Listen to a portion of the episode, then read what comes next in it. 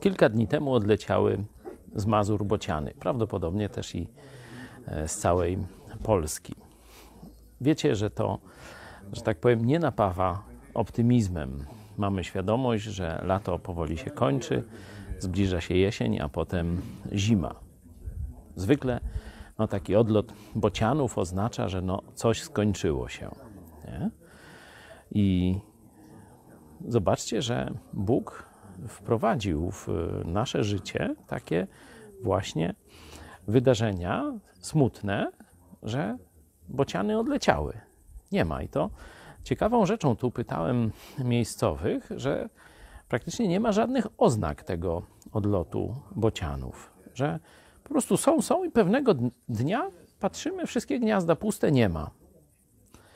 Dwie takie myśli. Po pierwsze, Bóg uczy nas, że są cykle w naszym życiu, że coś się zaczyna i coś się kończy.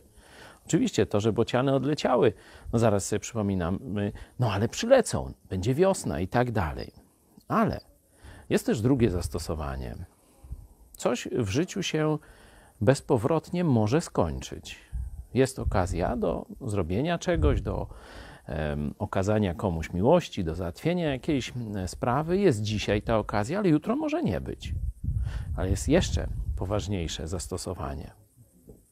Biblia mówi o tym, że jest czas łaski. Czas łaski to jest taki czas w życiu ludzkości, że możesz zawołać do Jezusa: Jezus, baw mnie, nic cię to nie kosztuje, bo on zapłacił wszystko za ciebie. Ty musisz tylko tego chcieć. Z całego serca musisz nienawidzieć grzechu, w którym żyjesz i pragnąć bycia z Bogiem. Pragnąć tego, by Jezus był Twoim Panem. Jeśli tego rzeczywiście szukasz, no to czas łaski to jest czas dla Ciebie. Ale Biblia mówi, że czas łaski się skończy. Że tak jak teraz są puste gniazda bocianie, tak w pewnym momencie wszyscy chrześcijanie jednego dnia zostaną zabrani i teraz, czy ty zostaniesz zabrany razem z nami? Czy wylądujesz z ręką w nocniku, już w czasie gniewu Bożego, w czasie ucisku? Warto sobie zadać pytanie. Bociany już odleciały, ale czas łaski jeszcze trwa.